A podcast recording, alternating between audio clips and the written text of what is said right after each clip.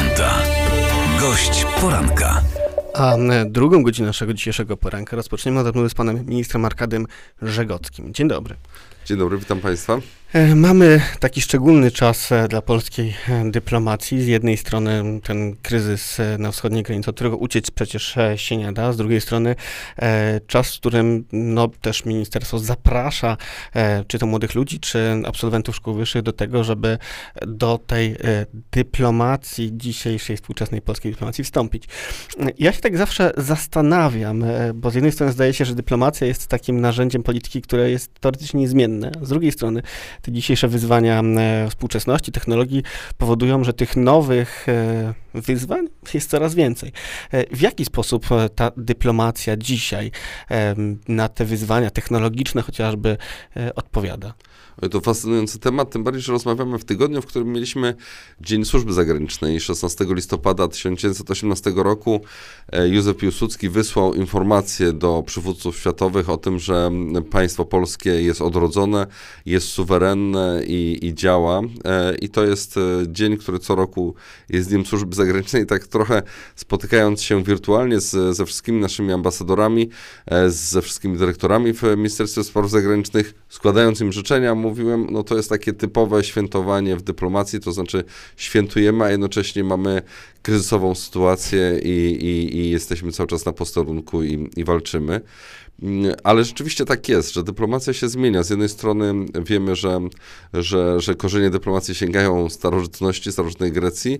Z drugiej strony ta nowoczesna dyplomacja powstała na początku XIX wieku e, i w pewnych e, zwyczajach, w pewnych zasadach, e, ten wiek XIX nadal jest ważny, mhm. ale jesteśmy w wieku XXI e, i, i, jeszcze jesteśmy do tego w Polsce, która, która prowadzi niezwykle aktywną, aktywną politykę e, i staramy się stosować e, właśnie instrumentarium wieku XXI, więc na naszych oczach po pierwsze zmienia się trochę rola dyplomacji, pewne zadania, ale po drugie zmieniają się także metody prowadzenia działań dyplomatycznych. Mhm. No cóż, sam pan profesor mówił o kryzysie, w którym się znajdujemy. Dzisiaj to kryzysowe świętowanie. E, no, kryzys na wschodniej granicy jest i faktycznie polska dyplomacja podejmuje działania, żeby e, z tym kryzysem jakoś się zmierzyć. No i zdaje się, że są e, trochę takie działania, które um, może nie są tradycyjne, bo na przykład ta kwestia próby zatrzymania lotów ze Stambułu do Mińska sukces, jakby nie było. No, nie wiem, czy mieści się w takim kanonie standardowych działań dyplomatycznych.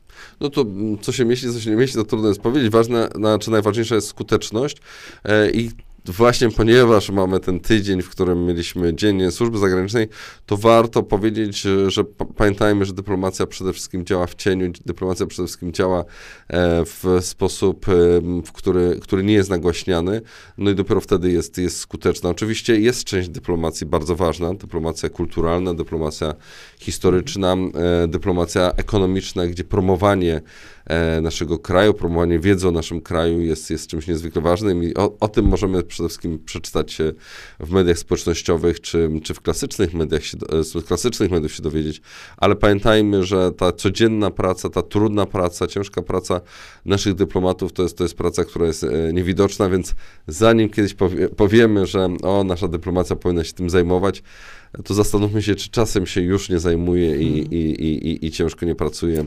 E, to taki mały, mały apel do nas, do nas wszystkich. Czyli po efektach e, ich poznacie, po owocach ich poznacie, parafrazując znane stwierdzenia. Natomiast, panie ministrze, no, objął pan stanowisko, którego no, wcześniej w jakiś sposób chyba w ogóle nie było w strukturach MSZ-u. Z jakimi takimi najważniejszymi, najtrudniejszymi wyzwaniami się pan zmierzył? Tak, to jest, to jest nowe stanowisko, które, które nowa ustawa o służbie zagranicznej wprowadziła. E, I rzeczywiście wydaje się bardzo ważne, znaczy dzięki temu, że, że funkcja dyrektora generalnego została rozdzielona od e, funkcji szefa służby zagranicznej, i dzięki naszej bardzo dobrej współpracy w ramach, w ramach ministerstwa udaje nam się dokonywać e, z, zmian, poprawiać jakość, e, jakość otoczenie pracy dyplomatów e, i tak, wydaje się, że tutaj, że ta, ta zmiana jest ze wszechmiar pożyteczna. Ja zresztą spotykam się z moimi odpowiednikami. Dzisiaj na przykład będziemy gościli kanclerz Ministerstwa Spraw Zagranicznych Litwy. Oni są bardzo ciekawi mm, właśnie tej naszej, tej naszej struktury, no tym bardziej, że szef służby zagranicznej także kieruje Akademią Dyplomatyczną, więc to, to jest, to jest niezwykle ważne połączenie, no bo, bo dzięki temu e, mam wpływ na, na szkolenie, mam wpływ na E, na to, w, na, na szkolenie także młodych e, adeptów, e, młodych osób, które zapiszą się do, na aplikację dyplomatyczno-konsularną. Mhm. No właśnie, ten dzień, ten tydzień służby dyplomatycznej jest taką okazją do rekrutacji, do zaproszenia właśnie do działania w służbie dyplomatycznej Polski. No ta Akademia Dyplomatyczna, no to też są nowe wyzwania w dzisiejszym czasie. Czy w jaki sposób zmiana w tym szkoleniu dyplomatów następuje, czy będzie następować wobec tych e, no, coraz to różniejszych wyzwań, e, czy to technologicznych, czy też e, działań poniżej pewnych progów, no taka zmiana zdaje się chyba być konieczna. Tak, jak najbardziej. Znaczy, z jednej strony, oczywiście cały czas analizujemy i to właściwie od, od, od, od wielu lat e, kwestie szkoleń za każdym razem są dostosowane do, do potrzeb. E, E, to jest e, to, to po pierwsze. Po drugie, Akademia Dyplomatyczna też e, spełnia bardzo ważną rolę promowania polskiej dyplomacji, współpracy z wyższymi uczelniami, ze studentami, współpracy z ośrodkami debaty międzynarodowej. I wreszcie, co jest także niezwykle ważne, nasza Akademia Dyplomatyczna w coraz większym stopniu prowadzi szkolenia i współpracę z dyplomatami innych krajów. Bardzo zależy nam na tym, żeby Polska e, Akademia Dyplomatyczna, Warszawska Akademia Dyplomatyczna była głównym miejscem, w którym dyplomaci z innych krajów dowiadują się o Europie Środkowej, dowiadują się o Unii Europejskiej, o NATO, w tym w szczególności o wschodniej e, flance mhm. NATO, e, dowiadują się o, o Trójmorzu czy o innych formatach, w których Polska odgrywa bardzo ważną rolę. A jak wygląda współpraca właśnie w naszym regionie, regionie Europy Środkowo-Wschodniej? To jest bardzo skomplikowane pytanie, bo oczywiście te, te relacje są, e, są, są, są różne i to zresztą to jest fascynujące. Każdy z nas widzi, że że relacje między, międzynarodowe są niezwykle dynamiczne. E, co więcej, no z jednej strony e, cieszymy się, że jesteśmy członkiem Unii Europejskiej i NATO i to są nasi sojusznicy i partnerzy. Z drugiej strony to nie jest przypadek, że także Polska jest inicjatorem i uczestnikiem wielu innych formatów, e, które mają tę, tę współpracę poprawiać i, i sam fakt, że, że udaje się blisko współpracować z mm, E, Grupą Wyszehradzką, że udaje się blisko współpracować właśnie w ramach Trójmorza i pracować nad poprawą infrastruktury południe-północ, e, czy, czy, czy na odwrót, e, że udaje się współpracować z bukaresztańską dziewiątką, że coraz bardziej aktywny jest trójkąt lubelski, czyli Litwa, Ukraina i, i Polska z takim wyraźnym brakiem, brakiem Białorusi, no to pokazuje, że, że wykorzystujemy różne, różne możliwości, no ale zawsze w relacjach międzynarodowych jest tak, że są, że są oczywiście sytuacje, w których ta współpraca jest łatwiejsza i są sytuacje, w których nasze, nasze interesy czy nasze opinie są trochę, trochę rozbieżne, ale, ale widzimy coraz większą chęć w ramach Europy Środkowej do tego, żeby poznawać się nawzajem, do tego zresztą namawiam mocno, ale także do tego, żeby, żeby wspólnie działać i osiągać wspólne cele. Zdaje się, że zwłaszcza wśród chociażby Litwinów e, takie zainteresowanie wspólnym dziedzictwem Rzeczpospolitej obojga narodów e, wzrasta. Ja niedawno czytałem takie e, badania właśnie o tym, że coraz więcej młodych Litwinów interesuje się tym, tą częścią historii naszej wspólnej. Stąd też to pytanie o Europę Środkową, o te relacje. Na ile dzisiejsze kształcenie dyplomatów, młodych dyplomatów też powinno być ukierunkowane na jakieś zacieśnianie takich relacji partnerskich z krajami po prostu naszego regionu? nawet bardziej może niż e, wielkich globalnych organizacji. No, znaczy, wszystko jest ważne. Każdy, każdy z instrumentów jest ważny i dlatego ja tak podkreślam, że, że Polska jeszcze nigdy nie była członkiem aż tylu organizacji międzynarodowych, nie była um, częścią aż tylu formatów współpracy międzynarodowej, bo rzeczywiście tutaj jesteśmy niezwykle aktywni w bardzo różnych e, obszarach. A siłą rzeczy my rzeczywiście powinniśmy e, jeszcze większą rolę przykładać do, do współpracy w, w naszym regionie, dlatego że no, byliśmy przez wiele lat e, zachwyceni i, i zapatrzeni w kraje zachodnie i, i, i znamy w większości, znamy je lepiej niż, niż naszych sąsiadów. Mhm. Więc ja gorąco namawiam oczywiście do podróżowania po, po Europie Środkowej, do, do mm, zadzierzgania przyjaźni no a także do, do, do tej współpracy. I tutaj te, te formaty, które Polska współtworzyła, bardzo mocno temu, e, temu pomagają. Cały region w związku z tym angażuje się na przykład w popieranie państw Bałkanów Zachodnich, e, no ale właśnie dlatego, że to wynika e, po pierwsze z naszych interesów, po drugie także z pewnej, pewnej sympatii i, i, i, i, i bliskości kulturowej, także, także pewnego podobnego doświadczenia, które nastąpiło, które, które mieliśmy w XX wieku. Mhm. Gdyby miał pan e, minister zachęcić naszych słuchaczy, e, no bo w końcu rozmawiamy w tym e, okresie tygodnia służby dyplomatycznej, pytam pana profesora, szefa Polskiej Służby Dyplomatycznej Arkadiego Żegockiego o to, jak czemu warto wstąpić do polskiej dyplomacji? W kilku słowach po prostu, tak żeby było to jak najbardziej zapamiętywalne. Co by mogło tak naszych słuchaczy przekonać do tego, zwłaszcza młodych, że kierunek dyplomacja to jest właśnie ich kierunek. To ja bym zachęcał um, do, do, do, kilku rzeczy, ale przede wszystkim powiedział w ten sposób, że nasi przodkowie zostawili nam niezwykłą definicję państwa. E, państwa e, nie jako, e, państwa jako, nie jako jakiejś struktury czy instytucji, ale państwa jako Rzeczpospolito, jako Rzeczpospolitej, jako wspólnoty wolnych obywateli. E, I w związku z tym tak naprawdę warto sobie uświadomić, że każdy z nas jest obywatelem, każdy z nas to jest czasami wyświechtane, ale tak jest. Każdy z nas jest ambasadorem Polski, każdy z nas ma przyjaciół za granicą e, i naprawdę możemy bardzo dużo i wspólnie bardzo dużo czynimy, żeby rozpowszechniać wiedzę o Polsce, żeby zapraszać e, naszych zagranicznych przyjaciół do, do, do Polski, bo to rzeczywiście bardzo dużo daje. Pokazywanie współczesnej Polski, pokazywanie to, jak dobrze wykorzystaliśmy te ostatnie 30 lat, jak e, wielki skok cywilizacyjny nastąpił. E, to są, to, są, to, są, e, to są rzeczy, które najczęściej robią ogromne wrażenie na, na obcokrajowcach. A ja ze swojej strony, z jednej strony zapraszam do e, aplikacji dyplomatyczno-konsularnej, która już niedługo zostanie e, ogłoszona kolejna. Zapraszam do współpracy z ośrodkami debaty międzynarodowej. Zapraszam do współpracy z MSZ-em, który ma wiele konkursów i, i propozycji współpracy. Zapraszam do współpracy z naszymi placówkami, chociażby do odbywania praktyk. Na drugim roku studiów już można e, odbywać praktyki w naszych, w naszych placówkach. E, na całym świecie. E, wreszcie zapraszam do aplikowania do organizacji międzynarodowych.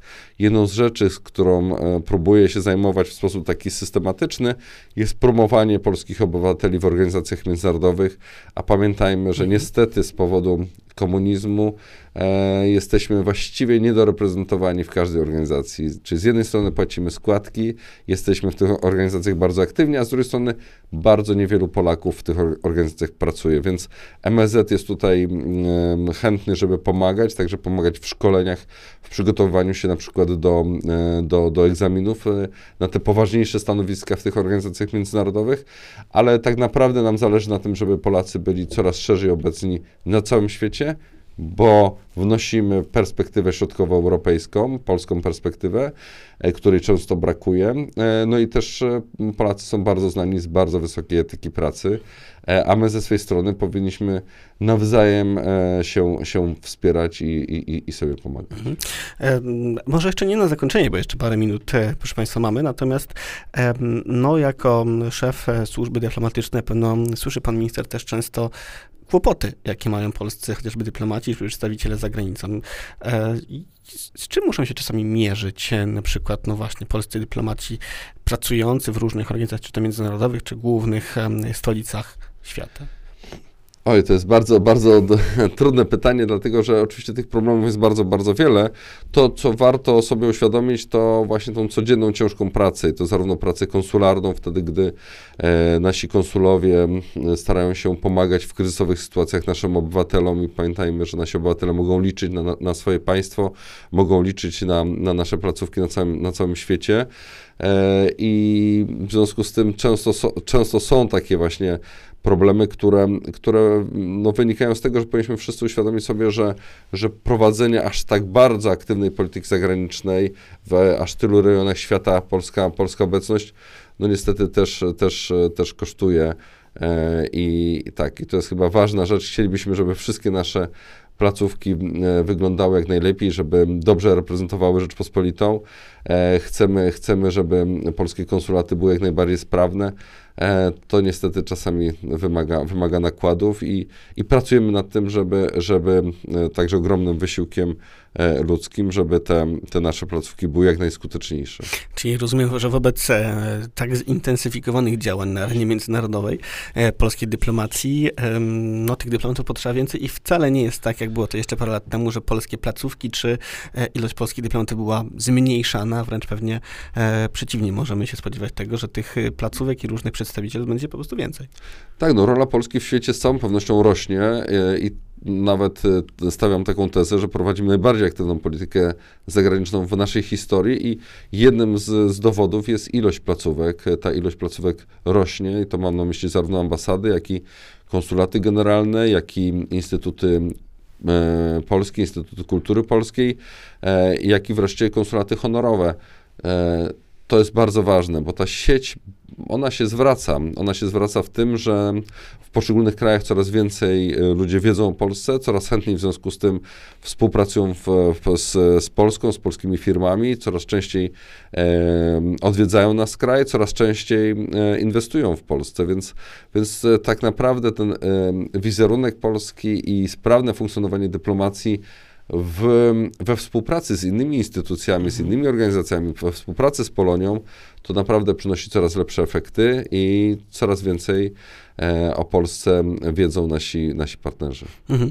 E, no, powiedzieliśmy o służbie dyplomatycznej, o polskiej dyplomacji e, i teraz pan profesor wspomniał Polonię. Zdaje się, że to jest temat w ogóle na osobną rozmowę, dłuższą rozmowę, ale na zakończenie tak naprawdę w kilku słowach, gdyby mógłby pan minister Polonię w jakiś sposób zachęcić do pracy na rzecz Polski, czy poprosić o jakieś działania, zwłaszcza w kontekście tego, co dzieje się na polskiej wschodniej granicy dzisiaj, tego kryzysu granicznego, co by to było? Ja bym powiedział, że, że Polonię nie trzeba zachęcać do promocji Polski, dlatego że, że Polonia, Polacy na całym świecie są bardzo mocno zaangażowani w, w promocję. To, do czego namawiałbym być może, to do takiego bardziej śmiałego wychodzenia do naszych partnerów e, zagranicznych. W Wielkiej Brytanii mieliśmy, mamy Polish Heritage Days w okolicach Konstytucji 3 maja, w okolicach majowych, majowego polskiego świętowania e, i tam wiele wiele polskich organizacji, ale także brytyjskich organizacji wspólnie e, organizowało świętowanie właśnie polskości, polskiej tradycji, polskiej kultury e, rozpowszechniało wiedzę o Polsce i, i to jest najlepsza metoda. Znaczy wtedy, gdy wspólnie z, z, z, innymi nacjami świętujemy, wtedy, wtedy oni rzeczywiście czują się dużo bardziej zachęceni do tego, żeby poznawać e, chociażby e, polską kuchnię, ale także, żeby odwiedzać Polskę, z Polską współpracować. No i pamiętajmy, że wciąż jeszcze na świecie jest niewystarczająca wiedza o Polsce, więc zaczynajmy raczej od e, pozytywnych informacji, a gdy ktoś pozna Polskę, no to wtedy wchodźmy już w niuanse, w dyskusję. Polacy są niezwykle rozdyskutowani i bardzo dobrze. E, cieszmy się tą naszą różnorodnością także, także poglądów, ale, ale dajmy szansę obcokrajowcom w poznaniu naszej, naszego kraju, naszej kultury, najpierw od tej strony pozytywnej e, i do, do tego e, szczerze zachęcam.